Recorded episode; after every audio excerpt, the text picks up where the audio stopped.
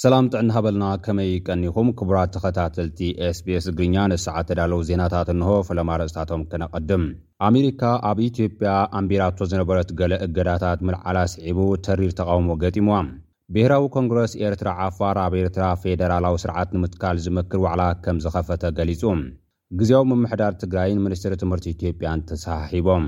ኤርትራ ኣብ ዩኔስኮ ኣንጻር ኣሜሪካ ከምዘድመጸት ተሓቢሩ ዝብሉ ነሰዓ እተዳለዉ ዜናታት'ዮም፣ ናብ ዝርዝራቶም ክንቅጽል።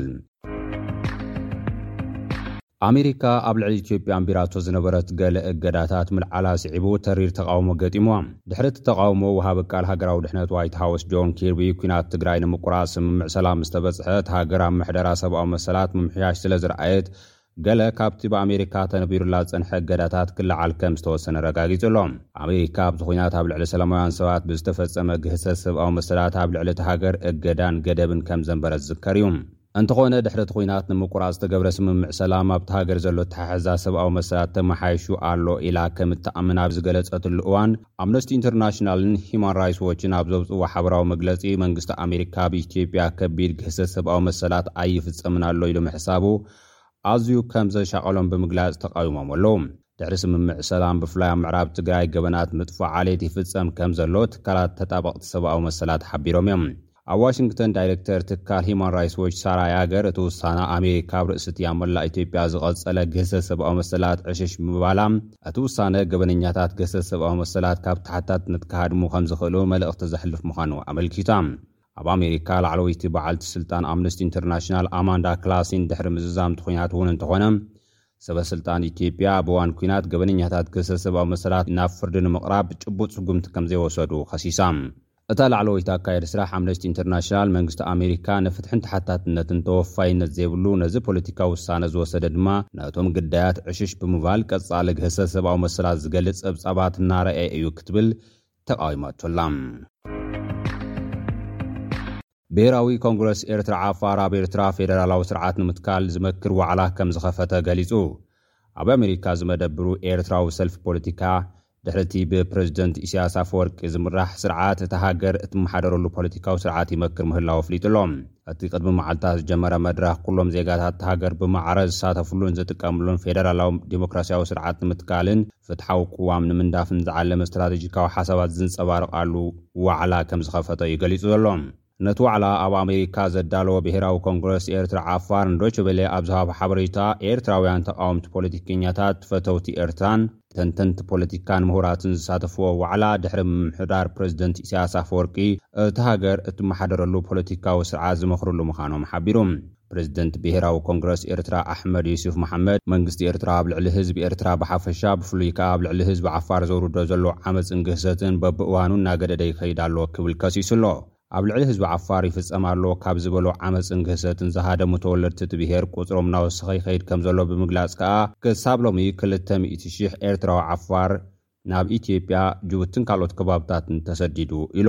ንጉዳይ ኤርትራ ብፍላይ ከኣ ንኣነባብራ ኤርትራውያን ዓፋር ዘጽንዕ ፕሮፌሰር ሕጊ ካናዳዊ ጆሴፍ ኢልዮት ማጋንት ብወገኑ መንግስቲ ኤርትራ ኣብ ልዕሊ ዓፋር፣ ከቢድ ግህሰት ሰብኣዊ መሰላት ከም ዝፈጸመ ተመራመርቲ ሰብኣዊ መሰላት ውድብ ሕቡራት ሃገራት ኣረጋጊጾም እዮም ክብል ንዶቸቬሌ ኣብ ዝሃቦ ሓበሬታ ገሊጹ ኣሎ።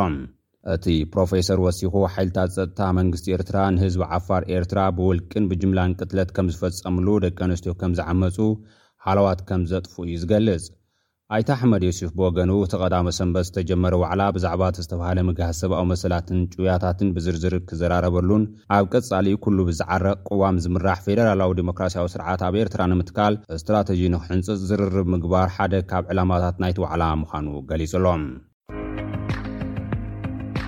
ግዝያዊ ምምሕዳር ትግራይን ሚኒስትሪ ትምህርቲ ኢትዮጵያን ተሰሓሒቦም። ሚኒስትሪ ትምህርቲ ኢትዮጵያ፣ ስማት ኣብያተ ትምህርቲ ዞባ ምዕራብን ደቡብ ትግራይን ምስ ክልል ኣምሓራ ጠሚሩ ብምውጽኡ ተቓውሞ ዝገጠሞ ኮይኑ፣ ግዝያዊ ምምሕዳር ትግራይ ብዘውጽኦ መግለጺ ድማ ኣብ ልዕሊ ትግራይ ዝካየድ ዘሎ ሕገ-መንግስታዊ ጥሕሰት ብቕልጡፍ ክእረም ንጽውዕ ክብል ሓቲቱ'ሎ። ግዝያዊ ምምሕዳር ትግራይ ሚኒስትሪ ትምህርቲ ኢትዮጵያ መርበብ ሓበሬትኡ ዝርዝር ኣብያተ ትምህርቲ ዕላዊ እንትገብር ኣብ ዞባ ምዕራብ፣ ሰሜን ምዕራብን ደቡብን ትግራይ ዝርከባ ኣብያተ ትምህርቲ ናብ ክልል ኣምሓራ ብምኽላል ሕገ መንግስታዊ ጥሕሰት ፈፂሙ ክብል ዝኸሰሰ ኮይኑ እቲ ቤት ዕዮ መደበኛ ስርሑ ንጎኒ ገዲፉ ናይ ሓደ ኣካል ፖለቲካዊ መሳርሒ ብምዃኑ ብዕሊ ካብ ምርግጋፁ ብተወሳኺ ንውዕል ፕሪቶርያ ናብ ሓደጋ ዘእቱ ተግባራት ይፍፅም ኣሎ ክብል ወቒስዎ ኣሎ። እቲ ፍጻመ ነቲ ተጀሚሩ ዘሎ መስርሕ ሰላም ብዝኸፍኣ መልክዑ ዝዘርግን ተቐባልነት ዘይብሉን ተግባር ከምዝኾነ ብምሕባር፣ ቀልጢፉ ክእርሞን ንህዝቢ ትግራይ'ውን ብወግዒ ይቕሬታ ክሓትት እዩ ግዝያዊ ምምሕዳር ትግራይ ኣብ ዘርግሖ መግለጺ ጸዊዑ ዘሎ። መንግስቲ ፌደራል ድማ ኣብ ልዕሊ ኣመራርሓ እቲ ትካል ግቡእ ስጉምቲ ወሲዱ ኮነ ተባሂሉ ዝተፈጸመ ጥፍኣት ብህጹጽ ንኽእርሞ ጻውዒት ግዝያዊ ምምሕዳር ትግራይ ኣቕሪቡ'ሎ። ኣብ ትግራይን ካብ ትግራይ ወጻእን ዘለዉ ምሁራት፣ ተቓወምቲ ውድባት ፖለቲካን ካልኦትን ብተመሳሳሊ መግለፂ ቅዋም ዘውፅኡ ዘለዉ ኮይኖም ብወገን ኣዲስ ኣበባ ግን ዛጊድ ዝተውሃበ ግብረ መልሲ የለን። ኤርትራ ኣብ ዩኔስኮ ኣንጻር ኣሜሪካ ከም ዘድመጸት ተሰሚዑ። ንኣሜሪካ ናብ ዓለምለኻዊ ውድብ ትምህርቲ፣ ስነ-ፍልጠትን ባህልን ዩኔስኮ ንምምላስ ኣብ ዝተገብረ ድምጺ ኤርትራ ከም ዝተቓወመት እዩ ተገሊጹ ዘሎ።